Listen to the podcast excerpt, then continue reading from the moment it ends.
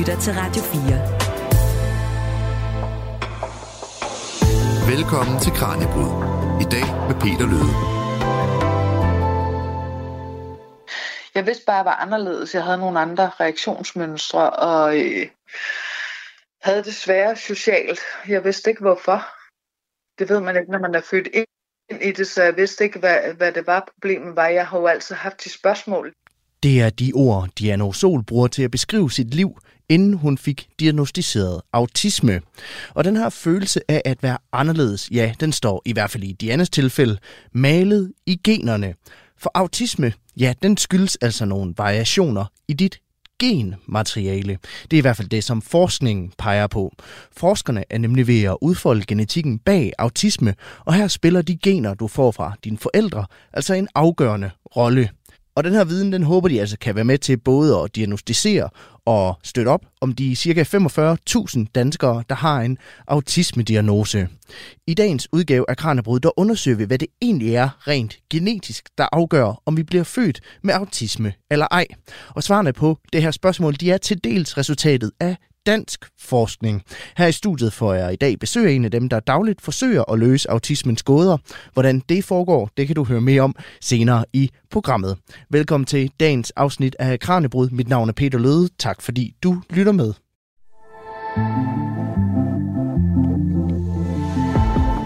Du lytter til Kranjebrud på Radio 4. Og til at gøre os klogere på den her sammenhæng mellem vores gener og sandsynligheden for at udvikle autisme, der har jeg fået besøg af Anders Børglum, professor ved Institut for Biomedicin på Aarhus Universitet. Velkommen til. Tak skal du have. Du har jo beskæftiget dig med netop den her sammenhæng mellem vores gener og autisme i, i mange år. Hvad er det, der fascinerer dig ved den sammenhæng? Jamen, øh, øh grund til, at vi har beskæftiget os med det, det er, at øh, autisme er meget arveligt. Mm. Det er sådan, at øh, der er en arvelighed på omkring øh, 80 procent, 70-80 procent. Så det er en, øh, en meget betydelig aflighed, der ligger der. Og det vi jo rigtig gerne vil, det er at forstå, hvad det egentlig vil sige. Altså, hvad er det, hvad er det for nogle ubalancer, der er i hjernen og hjernens udvikling, øh, som gør, at man har en, en, en øget sårbarhed for at udvikle autisme. Ja, for hvor meget ved vi om den her, den her sammenhæng? Altså, hvor tæt er forskning på at finde nøglen til årsagerne bag autisme? Øh, jamen, øh, vi er meget tæt på det, altså, fordi at øh, vi finder jo flere og flere øh, gener, som øh, er involveret i, øh, i den her, hvad skal man sige, disposition til at udvikle autisme. Og så øh, undersøger vi, hvad, hvad de gener de laver, og hvilken betydning de har øh, i kroppen og i, i, i hjernen jo specifikt.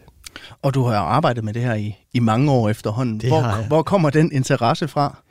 Øh, jamen, det kommer fra, at øh, jeg synes, at øh, ja, ja, så jeg, jeg undersøger øh, genetikken ved øh, mange forskellige psykiatriske og mentale øh, øh, diagnoser, og øh, det er nogle øh, sygdomme og nogle forstyrrelser, som er meget udbredt i befolkningen, og hvor vi i mange tilfælde ikke øh, ved, særligt i langt de fleste tilfælde ikke ved rigtigt, hvad det er, der egentlig er, er, er, er galt, og hvad der er, ude af balance i, i, øh, i hjernen, og og hvordan vi øh, kan behandle det, eller i hvert fald øh, afhjælpe nogle af de symptomer, som, øh, som folk lige slås med. Og øh, blandt de øh, diagnoser, der er autisme en, øh, en af dem. Og øh, vi skal nok dykke dybere ned i senere, hvordan du så konkret selv har, har forsket i det her. Men det kan være, at du måske kan sætte døren lidt på klem og komme med en kort introduktion til, hvordan du selv har beskæftiget dig med, med det her med autisme. Ja, det, det har udviklet sig over årene, fordi vi har jo længe vidst, at øh, der er en høj grad af arvelighed, men de teknikker, vi bruger til at prøve at finde frem til de specifikke genetiske varianter og, og gener, som er står bag den her øgede øh, risiko eller disposition for at udvikle sygdommen, øh, den teknik, eller de teknikker, de er udviklet eksplosivt igennem de senere år.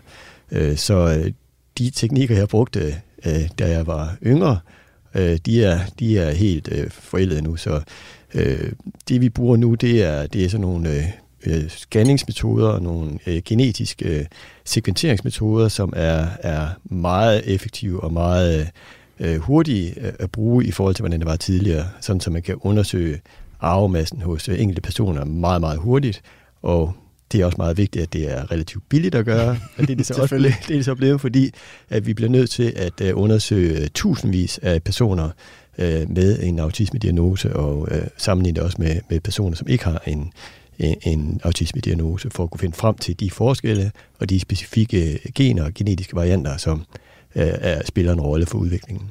Det lyder også til, at der er kommet et fornyet fokus på autisme de seneste år.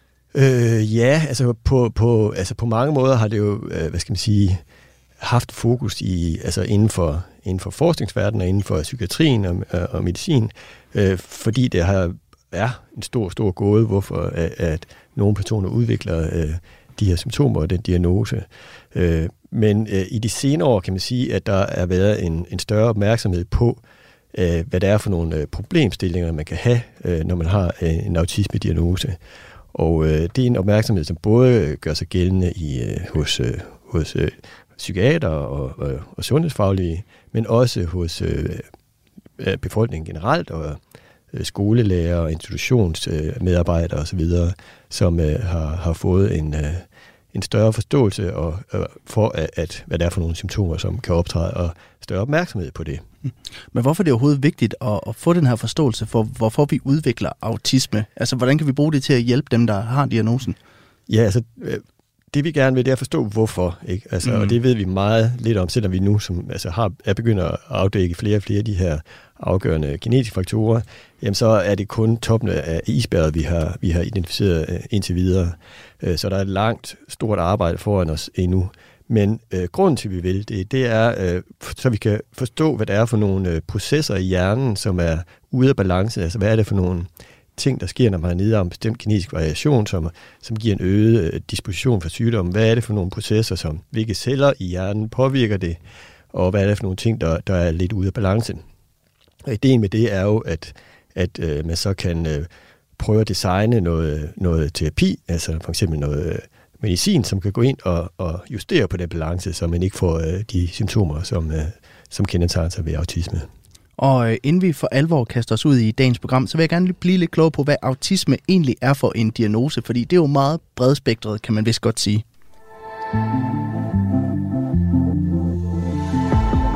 Du lytter til Kranjebrud på Radio 4. Og Anders, må ikke de fleste af dem, der lytter med derude, de kender en eller flere personer, der har autisme. Men det er jo også en diagnose, som der som der er mange forestillinger og måske også fordomme forbundet med. Altså, er der nogle, nogle af de her sejlivede myter, som du også møder i, i dit arbejde? Øh, ja, det er der bestemt. Altså, øh, der er rigtig mange, der kender til, til personer med autisme og autistiske symptomer. Øh, det er jo også en, en diagnose, der har været sådan øh, kraftigt stigende igen de senere år. Det har så nok formentlig øh, primært været på grund af den her øh, stigende opmærksomhed, som vi har mm, snakket om. Mm. Øh, men øh, det, det, der ligger også nogle, øh, ja, nogle hvad skal man sige, misforståelser, nogle fordomme bagved, fordi folk de ser tit for sig en, en person, som er meget øh, svært øh, medtaget af, af sin autisme. Men det er sådan, at, øh, at autisme-spektrumforstyrrelse, som det hedder, hvis man tager hele hele navnet med, med hele titlen med, ja, så, øh, så er det et, et meget bredt, spændende øh, spektrum af, af, af, af vanskeligheder, øh, hvor der er nogen, der har øh, det, det er meget svært, og nogen, der er meget mindre øh, belastet af, af symptomerne. Altså der er nogen, som, altså den klassiske, som man kaldt, øh, kalder infantil autisme, som optræder meget tidligt i, øh, i, øh, i, i barndommen, øh, er, er der meget sværere eller udbredt, og typisk meget øh, mere udbredt øh, øh, udviklingsforstyrrelser og udviklingshæmninger, som både går på det mentale og kognitive, men også kan gå på det motoriske og, øh, og, øh, og sådan bredt i, i hvad skal man sige, i, i barnets udvikling. Øh, og flere af dem kan, kan, eller mange af dem kan være øh, øh, mentalt retarderet, altså have, have mm. besværligheder med, øh, med den intellektuelle kapacitet. Og det er sådan i ene spektrum, og så er der øh, i et andet spektrum, så er der nogen, der kan være meget velfungerende og øh, kan være endda øh, mere intelligente end normalbefolkningen. Øh, øh, og som øh, altså, jeg både kan fungere i, i, i sociale sammenhæng og dog med nogen anstrengelse, men også øh, i, i, ikke mindst der i, øh, på arbejdsmarkedet og i, i skolerne osv. Ja, og det kan være, at vi måske skal prøve at kortlægge, hvad det egentlig vil sige at, at have autisme, for også at prøve at få et billede af det her enormt brede spektrum, som det jo er. Altså, måske skal vi starte med egentlig at tale om, hvad, hvordan vi skal kategorisere det, fordi nu kalder vi det en diagnose, men er det en sygdom, eller hvad, hvad er autisme egentlig? Øh, jeg synes, det er fint at kalde det en diagnose. Altså en sygdom, det, det, er, det er nok ikke det bedste udtryk. For det første, fordi at det ikke egentlig klassificeres, kan klassificeres som en sygdom sådan i medicinsk forstand, fordi at vi ikke kender nok til den biologiske mekanisme, det vi kalder patofysiologien, der ligger bagved. Mm. Så det er sådan en ren medicinsk kan man sige, øh, betragtning. Men, men derudover så er det jo også sådan, at, at der kan ligge mange medforståelser i det at kalde det en sygdom. Og der er mange personer med autisme, især dem, som, som, som er ret fungerende og velfungerende, øh, endda altså meget velfungerende, som jo ikke synes, at det på nogen måde er, er en sygdom, og med rette heller ikke synes det, men mere en, en tegning af den øh, personlige karakter, de har øh, som de er på mange måder meget glade for. Så, så, så sygdom er ikke øh, på mange måder ikke det bedste øh, udtryk. Øh. Så altså i, i hvad skal man sige, den formelle øh, diagnostiske klassifikation, der, der kalder vi det en udviklingsforstyrrelse. Mm. Og hvad vil det sige, en udviklingsforstyrrelse? Fordi jeg tænker jo øh, straks på sådan noget som mental forstyrrelse, for eksempel. Ja, men det er jo også kærtegn, øh, en af kærtegnene ved, ved autisme, at, at det er en, en mental øh, udviklingsforstyrrelse. Øh, men, men det, der ligesom er, er kernesymptomerne for autismespektret, det er, at øh, der er Øh, øh, problemer med øh, den øh, sociale kommunikation og interaktion.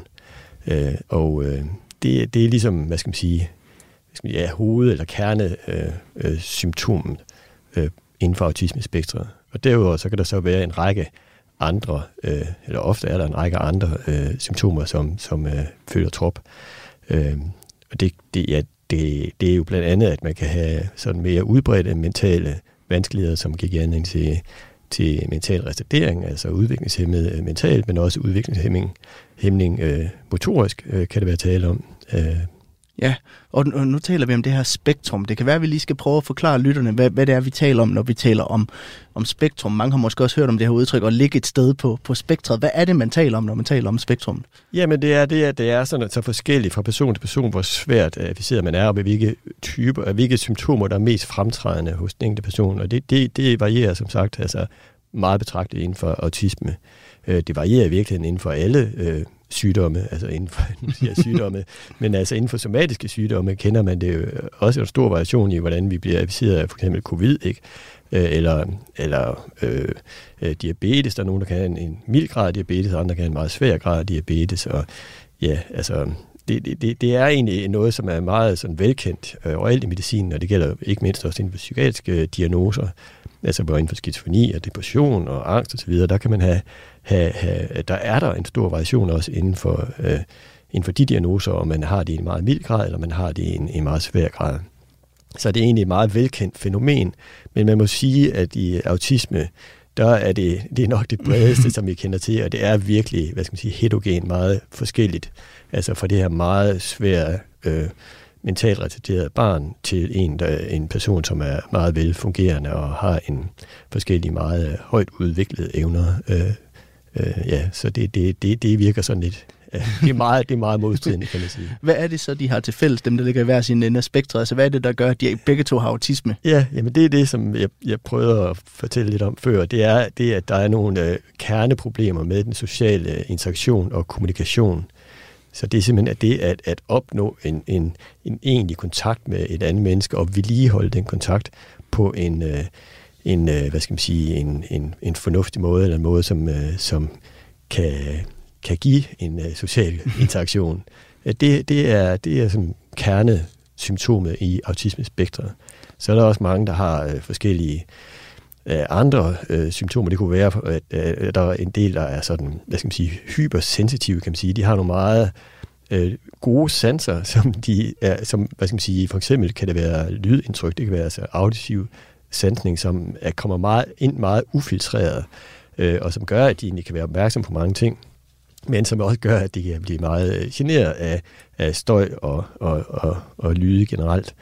Øh, der er også andre sanser, som kan være meget veludviklet, altså for eksempel øh, altså systematisering, altså det at være opmærksom på, på detaljer og systematisere dem, altså det, det er noget, som, øh, som hvis, når det er, hvad skal man sige, giver problemer hos den person med autisme, så er det fordi, at, at de systemer, de bliver, de bliver brudt, eller øh, der optræder noget, som de ikke er, er vant til, og det, det giver dem ubehag. Og, Øh, men det kan så også være positivt i den forstand, at, at man, de kan bruge det i, i mange forskellige sammenhænge, at, at, at øh, være i deres arbejde, være gode til at, at kigge efter detaljer og være gode til at, at systematisere tingene, for eksempel.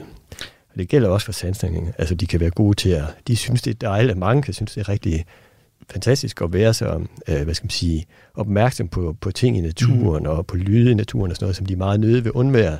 Men altså, det problem er så, at når man er i, i den dagligdag, vi normalt befinder os i, så kan det være lyde, som vi andre ikke opfatter som støj eller generende, men som kan være meget generende for personer med autisme. Så det, det, er, bare et, det er bare nogle af de hvad skal jeg sige, forskellige farvninger, der ligger i autismespektret, men altså kernesymptomet, kan man sige, det er den her problemstilling eller vanskelighed ved at, at oprette og vedligeholde en social interaktion. Hvordan diagnostiserer man så autisme? Hvordan fastslår man, at en patient har autisme? Ja, det er jo en, en, en klinisk uh, diagnose, en ren klinisk diagnose, som psykiaterne og børnepsykiaterne stiller typisk. De fleste får stillet deres, deres diagnose i, i uh, barnealderen. Altså symptomerne optræder tidligt, mm. men, men de bliver i nogle tilfælde ikke så, så udtalt, at de uh, giver vanskeligheder nok for personen, uh, før at de kommer i, altså i ungdomsårene eller, uh, eller endda i, i, i voksenalderen. Så man kan også blive stillet, man kan også få sin diagnose som autist, autist øh, i voksenalderen. Hvad er det så for nogle tegn, der, der, der viser sig, der, der kan skabe den her mistanke i første omgang? Ja, altså i første omgang, hvis det er sådan en tidlig, meget tidligt debuterende, jamen så er det jo typisk, at, at, at de her at barnet ikke udvikles sådan som forventeligt. Altså at, at forældrene bliver opmærksom på, at barnet ikke kan gå, ligesom de havde regnet med, som, som de fleste øh, begynder at gå, øh, og, og, øh, og øh, også andre motoriske problemstillinger. Det kan så også være, at deres sprog øh, er øh, forsinket. I sprogudviklingen kan være forsinket. Og så er det også, at den øh, kan det være den øh, hvad skal man sige, øjenkontakt, den kommunikation, som de måske kender fra et af deres tidligere børn, øh, ikke er til stede. Øh, så det er sådan nogle af de tidligste tegn, som, som en forælder kan være opmærksom på, og så øh, derfor henvender sig. Og øh, bliv hængende ude bag ved højtaleren for om lidt, så dykker vi ned i Anders' forskning i sammenhængen mellem genetik og autisme.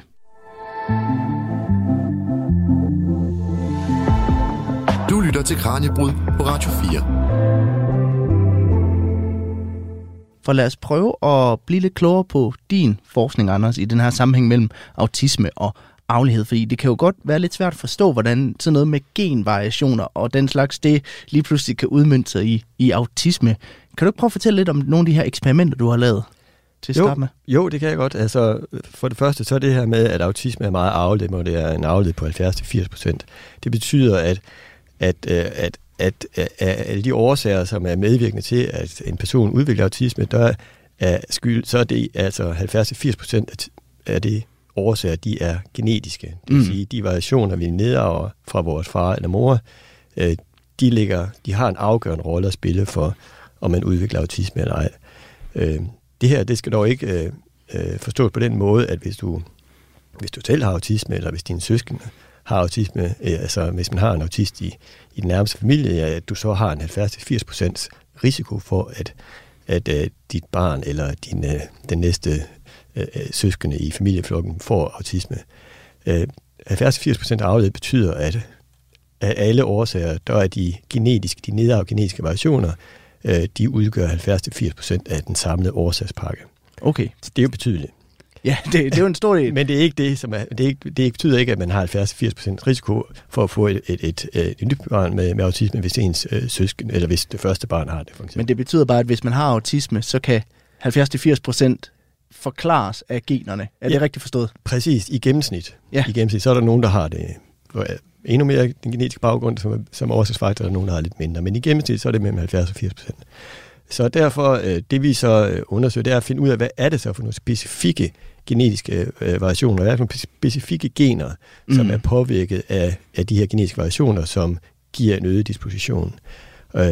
og det undersøger vi ved de her sådan moderne teknikker, hvor vi scanner hele arvemassen for øh, genetiske variationer, og øh, det gør vi, hvad skal man sige, to forskellige typer af undersøgelser. Øh, den første type øh, kigger på det, som vi kalder hyppige genetiske variationer. Mm. Det er sådan nogle variationer, som findes i mindst 1% af befolkningen. Og øh, det er den gruppe af variationer, som er, har den største betydning for udviklingen af autisme. Ja. Så er der så en anden øh, gruppe, det er de sjældne genetiske variationer, som altså findes øh, sjældnere end det, men og i, i de fleste tilfælde, så er det nogen, der er meget sjældne, dem som kan give anledning til øh, autisme. Øh, de, samlet set, der betyder de ikke så meget som de hyppige genetiske variationer, men enkeltvis, hvis vi finder sådan en enkelt mutation, som, eller en enkelt variation, som har øh, en betydning for udviklingen af autisme, så kan de have en meget betydelig øh, gennemslagskraft, så man kan have en øget øh, risiko på måske øh, 20 gange eller 30 gange øh, for at udvikle autisme. Altså man kan få en 20, 30, 50 procents risiko måske endda for at øh, udvikle autisme, hvis man har en af de her sjældne genetiske mm. variationer eller sjældne mutationer.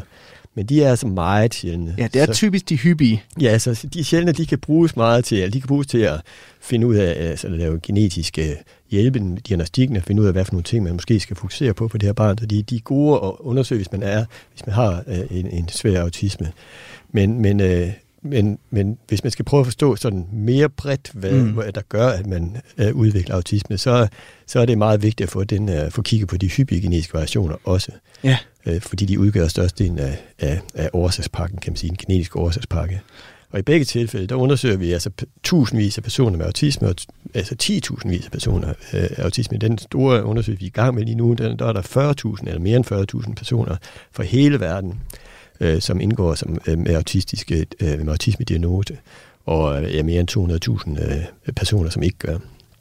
Øh, og der undersøger man, altså, så scanner man hele arvemassen, altså mm. flere millioner øh, hyppigt for alle de, alle de hyppigt forekommende variationer, i, der findes i den menneskelige befolkning, undersøger vi. Øh, og så ser vi hvad for nogle af dem, som øh, er, er hyppigere hos de øh, personer med en autisme-diagnose, øh, øh, end hvis du ikke har en autisme-diagnose. Og, og det giver så, og det samme gør vi ved de sjældne varianter i virkeligheden. Mm. Altså der, der, der kigger vi på nogle meget sjældne nogen, og så ser vi, hvor er der en sådan mutation, som nærmest kun findes hos folk, som har en autisme-diagnose. Og så går vi ned og kigger på de varianter. Hvor ligger de henne? Ja. Hvilke gener påvirker de? Og hvad laver det her? På hvilken måde påvirker de generne? Altså, hvilke, betyder det, at, der, at det ødelægger, som i sjældne varianter, der ødelægger de tit selve et, et gens funktion fuldstændig. Øh, mens de hyppige genetiske varianter, de, øh, de kan nedsætte eller øge udtrykket af genet i, i en bestemt hjernecelle i et bestemt tidspunkt af, af hjernens udvikling, og også senere hen i, i livet. Så, så vi, vi, vi går, når vi først har fundet et, et meget sikkert håndtag, altså nemlig den mm. genetiske variation, som vi med, efter at kigge på tusindvis, er der tusindvis af personer, øh, og, og undersøge hele deres arvemasse, ja, så, og fundet de her meget statistisk sikre sammenhænge, så har vi fat i et meget solidt håndtag til at forstå den, den biologi, som der så bliver påvirket. Altså, hvad er det for nogle processer i hjernen? Hvad er det for nogle celler, som bliver påvirket? Og, øh, og finde ud af, hvad det er for nogle mere specifikke mekanismer, som, som er, er ude af balance. Så, så I sammenligner med en arvemassen på de her, ved at se, for, og så, for så at se, om der er ting, der stemmer overens med hinanden i, i, imellem de forskellige øh, forsøgspersoner? Ja, altså mere se på, ja, både øh, om de er, altså egentlig ser på dem, der er forskellige fra dem, der ikke har autisme. Mm. Så hvis der er nogen, der er enten optræder nærmest kun, altså det er sjældne varianter, kun nærmest optræder hos, autist, hos nogen med autisme, øh, eller for de, for de hyppige variationer, det er jo sådan nogle, som vi alle sammen går rundt med. Ja. Så skal de findes hos dem med autisme i meget højere grad end hos, altså hyppigere, meget hyppigere hos personer med autisme, end hos personer, der ikke har autisme. Det er sådan, at de sjældne varianter, eller undskyld, de hyppige varianter, øh, hver især bidrager øh, ret beskedent med, øh, med risiko eller en mm. disposition. Det kan være en 5% eller måske 10% øget øh, øh, risiko.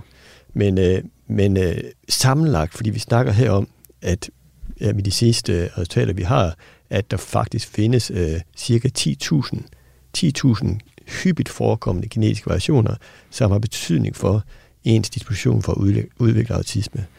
Øh, så, og vi har i dag fundet øh, 12 af dem, øh, så vi har lang vej endnu, men, øh, men øh, det, det vi bruger, altså når man så aggregerer, som samler alle de her mm. mange, altså tusindvis af genetiske variationer sammen og ser, at hvis du har rigtig mange af, af de her risikoøgende varianter, eller dispositionsøgende varianter, sammen hos den ene, hos en, hos, hos den ene, samme person, jamen så kan du have en meget betydelig øget risiko for at udvikle også en, en risiko, der kan være sammenlignet med, med de her meget sjældent forekommende øh, tilfælde af sjældne mutationer. Så simpelthen, hvis man har nok af de her hyppige variationer, så er sandsynligheden for, at du udvikler autisme også det større. Ja, lige præcis. Det er en helt enkel sammenhæng, der er helt additiv, som vi kalder det. Jo flere, desto større er din disposition.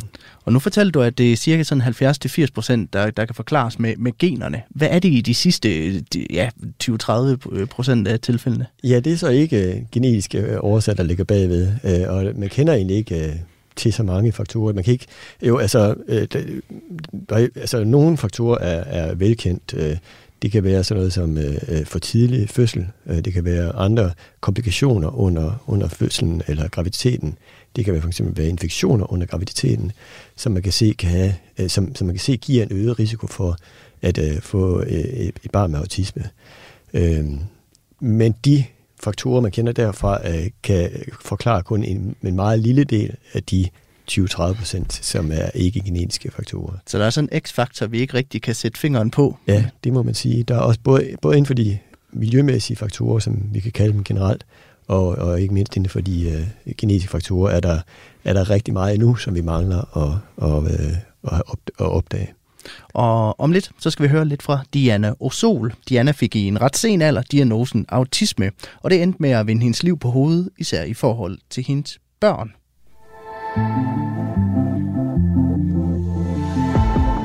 Du lytter til Kranjebrud på Radio 4. Hvordan er det at leve med autisme? Det ved 48-årige Diana Osol, og det har hun vist i de seneste tre år. Diana Osol er forlægger ved forlaget Afart, og så er hun i øvrigt også i familie med Selina Osol, der de sidste par måneder har været i praktik her på Kranjebrud. Det var faktisk på den måde, vi endte med at høre om hendes autisme.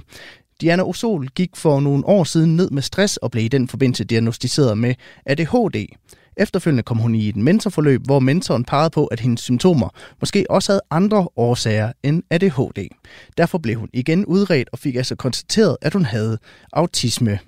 Her fortæller hun om nogle af de symptomer, som hun oplever på sin diagnose. Det er jo både min øh, hyperinteresse, der kom ind, og så er jeg jo øh, kæmpe øh, samler, både på Disney og altså alt, hvor mit øh, hjerte følger, og så går jeg ind, og så... Øh, nu kan de diagnoser overlappe hinanden, men det er, jeg går ind og bliver øh, rigtig nørdet i, når jeg går op i nogle ting, og går op i alt baggrundshistorie, og alting skal jeg finde ud af, og så er det der, mit fokus er. Det samme omkring øh, mine egne børn, det var faktisk, hvor psykiateren også sagde, at det har jo været helt fantastisk, at min hovedinteresse var faktisk børnene.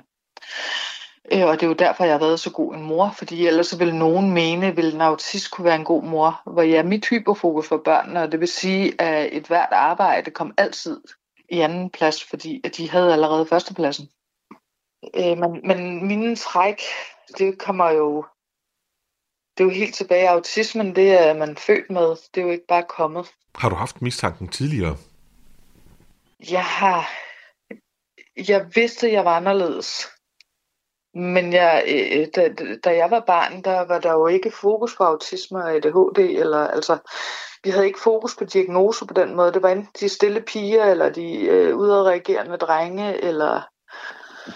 Og så var vi nørdet, og det var jo negativt øh, hvor det har jo heldigvis fået en mere positiv, mere at vi øh, går op i nogle ting og er dygtige til nogle ting, og det er blevet mere positivt med tiden.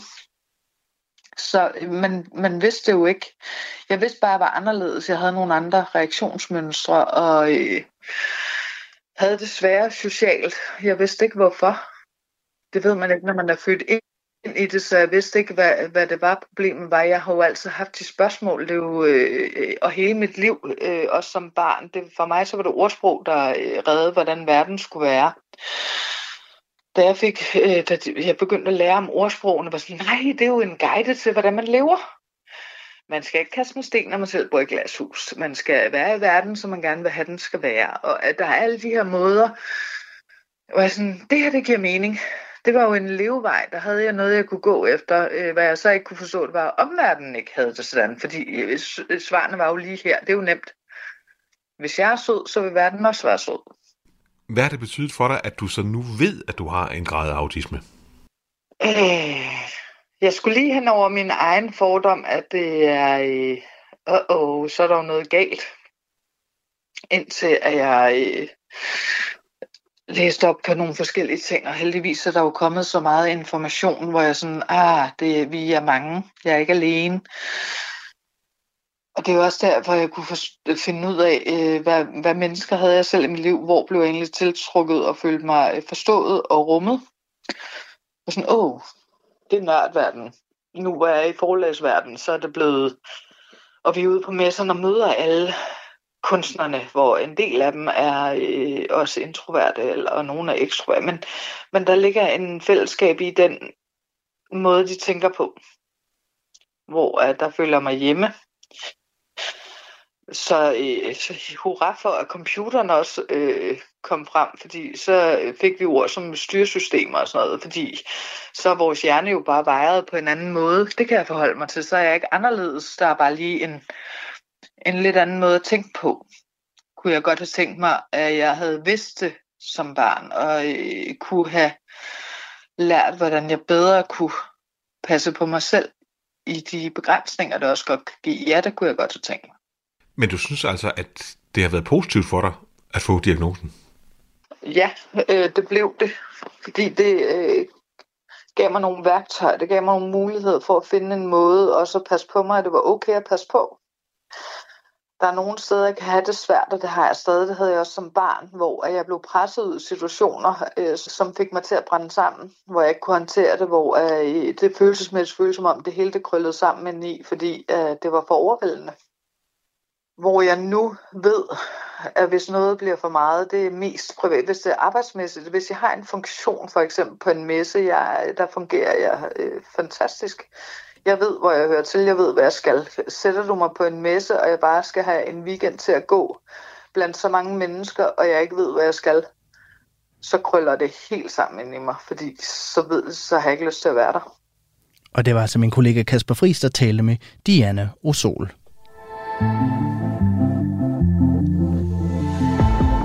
Du lytter til Kranjebrud på Radio 4. Og her på Radio 4 har vi stadigvæk gang i dagens udgave af videnskabsprogrammet Kranjebrud. Mit navn er Peter Løde, og her i studiet har jeg selskab af Anders Bavlum, professor ved Institut for Biomedicin på Aarhus Universitet. Og jeg har jo inviteret dig i studiet der, Anders, til en snak om risikoen for at udvikle autisme ud fra ens, hvad kan man sige, genetiske ophav. Og jeg kunne godt tænke mig at dykke lidt mere ned i den her arvelighed og nogle af de faktorer, der kan spille ind i den her arvelighed. Altså, hvis nu en eller begge af ens forældre har autisme, hvor stor er sandsynligheden så for, at man arver den? Øh, ja, altså, der er ikke nogen gode, øh, øh, hvad hedder det, mål for, hvis man har to, øh, begge forældre er autisme. Der tror jeg, det, det, det er så sjældent, at, øh, at, øh, at der ikke er lavet tilstrækkeligt store studier af det. Det, det er også begrænset med, med en enkelt øh, øh forældre, fordi det er, det er, altså, det er, altså, tidligere var det mest i svære tilfælde af autisme, man var øh, opmærksom på, at der blev diagnostiseret, og de, det var jo sjældent, at de øh, fik, øh, øh, fik børn. Men øh, nu hvor vi er blevet mere opmærksom på, at det er at det, det er meget brede spektrum, så er der jo selvfølgelig flere øh, velfungerende autister, som, som får børn. Men, men stadigvæk så er der ikke sådan de helt store studier, der er lavet af, af, af risiko, hvis, man er, hvis, hvis en forælder har øh, en autisme-diagnose. Men, men man kan sammenligne det med, med de ret store studier, der er lavet af, af, af familier, altså hvor du har en søskende, som mm. har en, øh, en, øh, en autisme-diagnose. Og øh, fordi hvis du er søskende til til, hvis du er søskende til en med autisme-diagnose, så har du gennemsnit også sådan, deler du 50 procent af, af arvemassen med, af, af, med den her søskende. Og det samme er jo tilfældet med ens forældre. Ja. Så på den måde er det jo er det, er den måde, vi kigger på, øh, på, hvad skal man sige, vi kalder det første gradslægning, fordi det er samme grad af beslægtethed. Altså deler 50 procent af arvemassen.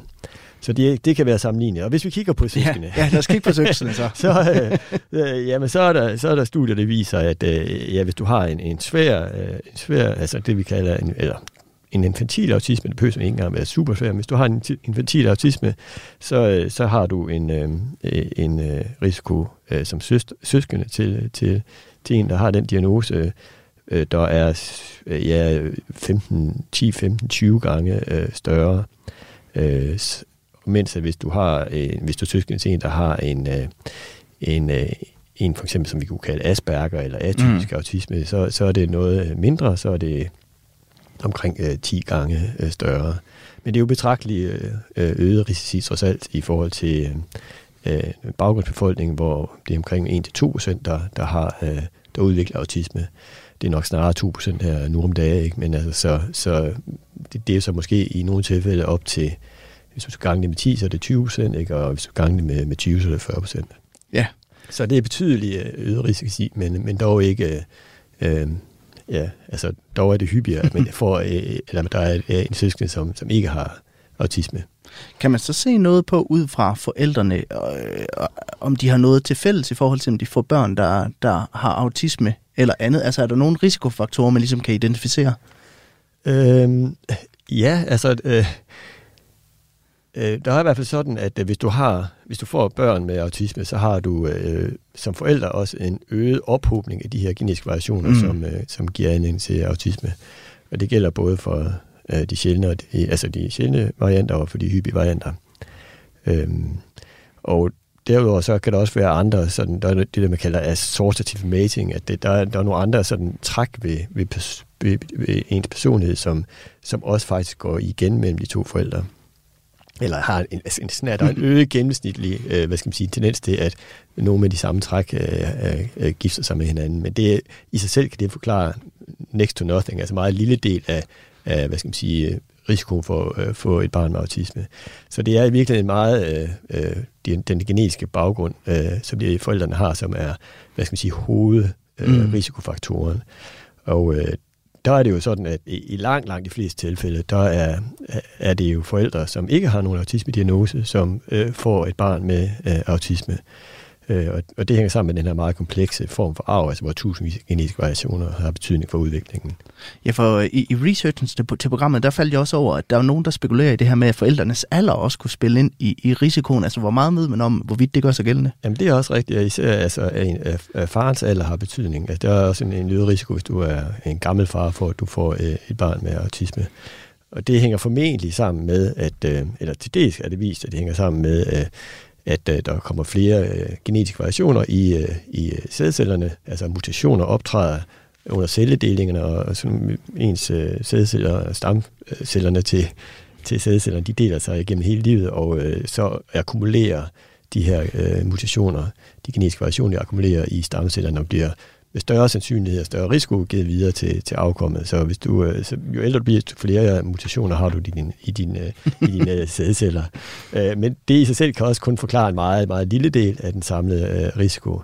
Og det er også sådan, at, at det er ikke den hele forklaring på, at gamle forældre eller gamle fædre giver en øget risiko. Det er også sådan, at deres genetiske, egen genetiske baggrund er, har som sagt i gennemsnit en større ophobning af øh, autistiske øh, genetiske variationer.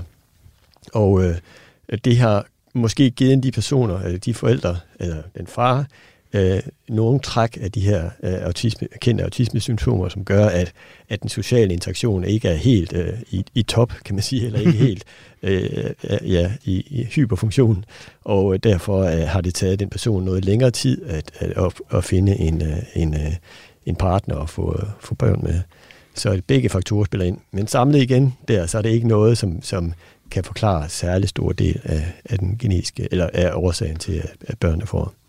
Hvad kender vi af eksterne faktorer, der kan gå ind og spille ind? Nu nævnte du sådan noget infektion før, for eksempel, men der er også nogen, der spekulerer i, at for eksempel vacciner skulle spille en rolle i ja, det, det her. det har været en, en, en, en, en meget liv sejlivet, sejlivet, sejlivet, hvad hedder det?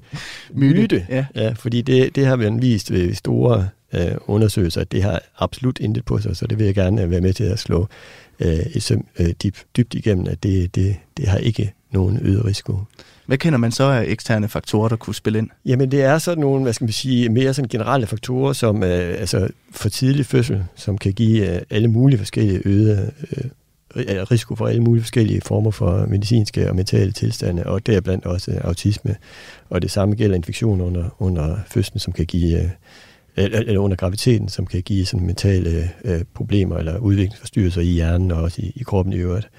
Øh, og øh, de, det, det, det er jo sådan set, kan man sige, det er ret uspecifikt for autisme. Det, det øger også risikoen for, ja, for andre psykiatriske diagnoser, men også for, for generelt sådan udviklingsforstyrrelser. Så, øh, og det er jo, ligger i den vores, hvad skal man sige, i Sundhedsstyrelsens generelle øh, retningslinjer for, at øh, ja, hvad man skal forsøge at, at undgå, og, og hvad skal man sige, at man forsøger selvfølgelig at uh, undgå, at man øh, bliver født for tidligt, ikke? og man øh, øh, forsøger også at undgå, at man øh, får infektioner og så videre under, under hvad hedder det, graviditeten. Og øh, vi har så småt 10 minutter tilbage i dagens udsendelse. Jeg tænker, vi kan bruge sidste tid på at tale lidt om, hvordan man så kan skabe de bedst mulige rammer for personer med autisme.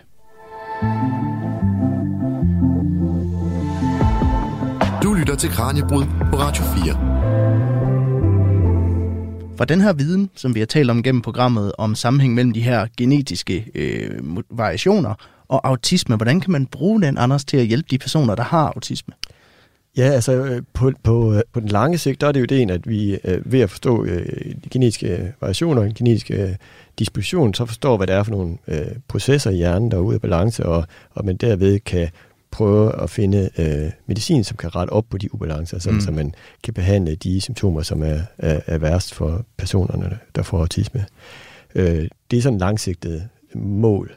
Øh, det kan også øh, hjælpe med til, at øh, på en lidt kortere bane, at, at diagnostisere personer med autisme. Ja. Især hvis du er, eller i øjeblikket udelukkende, hvis det er, at du har sådan nogle af de her meget sjældne variationer, som har en stor øh, gennemslagskraft, at øh, der kan du tidligt, når barnet begynder at få den slags øh, problemstillinger, øh, undersøge, om man har øh, sådan nogle mutationer. Og det kan være med til at give en, en relativt øh, hurtig afklaring og sige, jamen det er derfor, du har det, og sådan og sådan. Og man kan også undersøge sig om den mutation, om det er en, der findes hos en af forældrene, hvad det sjældent er. Øh, men det kan ske, at det er noget, som findes hos forældrene, som så kan gives videre til et andet øh, barn, øh, hvis der kommer et nyt, øh, øh en ny graviditet. Øh, øh, men, men det er også noget, der kan bruges til ligesom at vejlede øh, familien og øh, behandlingssystemet for, hvad, hvad for nogle øh, følgesymptomer, der kan, være, øh, mm. der kan være forbundet med den her bestemte genetiske variation. Vil man så potentielt set kunne opdage autisme tidligere, end man gør den dag i dag? Ja, det kan være med til, at man øh, bliver mere opmærksom på, øh, øh, på autisme, og måske også kan begynde at iværksætte nogle af de ting, man kan gøre for at, at stimulere barnet så, så godt som muligt. Kan man bruge det i forbindelse med graviditeter også til at, altså nu, nu laver man jo scanninger af det ene og det andet på sådan et barn, altså vil man kunne bruge det til faktisk også at opdage det allerede inden fødslen? Øh, ikke, ikke vil, altså der er nogle enkle former, som er altså mere sådan mental retardering, som, hvor det, man kan se mental retardering med meget stor gennemsagskraft, men hvor der så er nogle af dem, der også har sådan autistiske øh, symptomer, det, der, det er så meget sjældne familiære syndromer, øh, som man kan undersøge på den måde, som bliver undersøgt på den måde. Men ellers er det ikke noget, som øh, man kan, så hvor gennemsagskraften er stor nok til, at man øh, vil kunne bruge det, og det er ønskeligt på nogen som helst måde at bruge det øh, prænatalt. Og det gælder jo i særdeleshed for de hyppigt forekommende genetiske variationer, som har en væsentlig ringere gennemsagskraft individuelt, men også, selvom du har aggregeret dem alle sammen sammen, så vil der stadigvæk være rigtig mange, hvor du ikke kan sige med sikkerhed, at de får øh, autisme-diagnosen. Så der, de vil ikke på noget tidspunkt blive øh, noget, der kan bruges øh, hvad hedder det, øh, prænatalt. Og det vil kunne bruges, når man kommer ud, eller hvis man har begyndende symptomer for eksempel, og så kunne få en, en tidligere afklaring være med til at støtte, at det her det drejer sig nok om en udviklingsforstyrrelse, som øh, har autistiske komponenter, eller som vi hørte med, med hende, der var et interview med her, jeg har glemt hendes navn. Ja, Diana. Diana, ja, ja at, øh, at man kunne også have ADHD-symptomer, øh, som kunne udvikle sig enten øh, måske øh, først, men i flest tilfælde senere end, end autisme-symptomerne, i hvert fald i sådan en grad, at, at det bliver problematisk for en. Og der kan man så også undersøge personerne, om de har en genetisk profil, som har en høj grad af ADHD-risikovariation, øh, eller om de har en høj grad af autisme-variation, øh, eller om de har begge dele, hvor man som man også øh, altså ret hyppigt kan se, og som jo, jo var tilfælde i Dianas øh, øh, tilfælde, at man faktisk har begge diagnoser. Ja. Så, så, så det kan være noget, der kan være øh, øh, en hjælp i øh, både for, for personen og for familien og for, og for behandlersystemet, der man skal rådgive, hvad for nogle tiltag, der, der vil være bedst at, at, at gøre for den her person. Ja, for det, det, det er måske noget af det, vi lige skal få sat streg under. Vi taler jo ikke om, at der, man er garanteret, at man får autisme. Altså det handler om sandsynligheder det hele her, og, og, og risici i, i sidste ende. Lige præcis, det er meget vigtigt. Var godt, du sagde det, på der er jo også den her sammenhæng med ADHD, som du, som du nævnte før. Altså, vil det, vil det kunne hjælpe også nogle af dem, man, man tror bare går og døjer med ADHD, til også at finde ud af, at du har faktisk også autisme, som i, som i Dianas tilfælde? Ja, det, det vil det kunne gøre. Altså, at hvis man, øh, hvis man begynder at have den slags overvejelser, så kunne man øh, undersøge den genetiske baggrund øh, og se, om der er en stor øh, øh load af, af sådan nogle øh, autismevariationer. Og det kan også være den anden vej omkring, at ja, begge dele faktisk kan være tilfælde, for man ser faktisk, at, at ADHD-symptomer kan overskygge autismesymptomer, øh, men man kan også se den anden vej omkring, at autismesymptomer øh, kan overskygge ADHD-symptomer, eller gøre med, at, at øh, hverken øh, familie eller personen eller øh, behandlersystemet er opmærksom på øh, øh, de her andre symptomer. Så der kan det være en god idé, eller kan blive en god idé, ikke mindst i fremtiden, det er ikke noget, man gør endnu, men at, øh, at få en, øh, en, en genetisk profil, hvor man kan se, om, om, om der er en, øh, en, øh, en øget diskussion for de her psykiske andre psykiske følgesygdomme. Det gælder for eksempel ADHD, som mm. vi snakker om her, og som jo faktisk man kan gøre noget for medicinsk i dag, ikke? Altså give sådan noget central stimulans, altså Ritalin eller noget lignende, hvis det er, at man har sådan den grad af symptomer. Øh, men det gælder også for andre øh, øh, følgesygdomme, kan man sige, eller nogen, som optræder hyppigere øh, hos autister, i øvrigt også hos øh, folk med ADHD. Øh, det gælder for eksempel depression eller angst, øh, det, kan også være, mm. det kan også være skizofreni, øh, og at der kan man ved at undersøge en genetisk profil hos de her personer, som enten har autisme eller ADHD, eller begge det, undersøge om, jamen, er der en større risiko for, at personen her også vil udvikle øh, depression, og det er måske noget, vi skal være opmærksom på, og så måske følge lidt nøjere og lave en tidlig intervention, øh, hvis, det, hvis det bliver tilfældet. Og øh, vi har så småt fem minutter tilbage, Anders. Jeg kunne godt tænke mig at høre, hvis man nu har en autisme-diagnose, er det noget, man skal have i mente, hvis man går og overvejer selv at få børn? Øh, øh, det, det afhænger jo af, hvilken grad man har det. Altså, men, men som sagt, så hvis, eller hvis du har en, en, en, en hvad skal man sige, relativt mild form for autisme, så, øh, så øh, man skal jo altid overveje, med børn eller ikke børn, men ikke hvilken form Man skal aldrig gøre det uovervejet. Nej, nej, det, det, er jo, det er jo det. Men øh, altså, hvis man har mod på det, nu hørte vi også med Diana, ikke? Mm. Hendes, øh, hun var jo meget hyper opmærksom på øh, sine børn, ikke? og havde det så meget stor interesse, så i sådan nogle tilfælde, så vil det være øh, jo meget, meget fint at få børn. Men hvis du har svære problemer med, med, med, med interaktion og vedligehold, fastholdelse af, af kommunikation med, med, med, med andre børn, eller med øh, med, din, med en partner og sådan noget der, så, er det, så skal man øh, nok tænke sig meget grundigt om. Og øh, hvis vi skal sende lytterne afsted med en, en vigtig pointe fra programmet i dag, Anders, hvad, hvad skulle det så være? Øh, jamen, jeg synes, en ting, vi måske ikke er, der er mange vigtige pointer, men en ting, vi ikke er kommet så meget ind på, det, som, ja. som Diana lige nævnte, nævnte lidt, det er måske de her, at hun føler sig rummet i nogle øh, sammenhænge. Ja. Og øh, der, der synes jeg, det er vigtigt at forstå, at vi øh, alle har et ansvar for, at, at, at de her personer, om det er med autisme eller med ADHD eller andre diagnoser, at de bliver, bliver mødt øh, med en rummelighed altså, og en forståelse for, at jamen, altså, her har vi personer, som øh, øh kan øh, være meget bidragende og meget givende i, på mange måder, øh, hvis, øh, hvis vi sikrer, at de rammer, som øh, de får at, at agere under, at være under og, og arbejde under, eller gå i skole under, at de, øh, at de øh, øh, møder de behov, som de har, eller for, så vidt muligt møder de behov, som vi har. Og der er selvfølgelig en grænse for, man kan det her, men, men der er der så mange eksempler på, at det kan gøre en, en kæmpe stor øh, forskel, at, at der er den opmærksomhed, øh, både i virksomheder og i, i skoler og institutioner. Så, så det synes jeg er en vigtig pointe, som også øh, Diana hun var lidt inde på. Det bliver også alt, hvad vi når. Anders Børlum, professor ved Institut for Biomedicin på Aarhus Universitet. Tak fordi du har lyst til at komme i studiet i dag. Det var så lidt. Du lytter til Kranjebrud på Radio 4. Det bliver alt, hvad vi når i dagens program. Tusind tak, fordi du lyttede med derude bag højtaleren. Der er selvfølgelig et nyt Kranjebrud klar til dig igen i morgen, samme tid, samme sted. Hvis du vil høre mere om genetik og autisme, så kan jeg anbefale, at du downloader Radio 4's app, hvis du ikke allerede har gjort det. Der kan du nemlig høre alle de tidlige afsnit af Kranjebrud som podcast. Og blandt andet så kan du høre afsnit om, hvordan børn med autisme kan lære os at samarbejde. Det er tilbage fra slutningen af november i år. Tusind tak for nu. Mit navn er Peter Løde. Til sidst vil jeg lige huske at sige, at programmet er produceret af produktionsselskabet Videnslyd for Radio 4. Nu er det tid til, at nyhederne tager over. Det er min sidste måltid. Jeg skal dø lige om lidt. Hvordan skal jeg dø? Mange vidunderlige gæster har spist deres sidste måltid hos mig.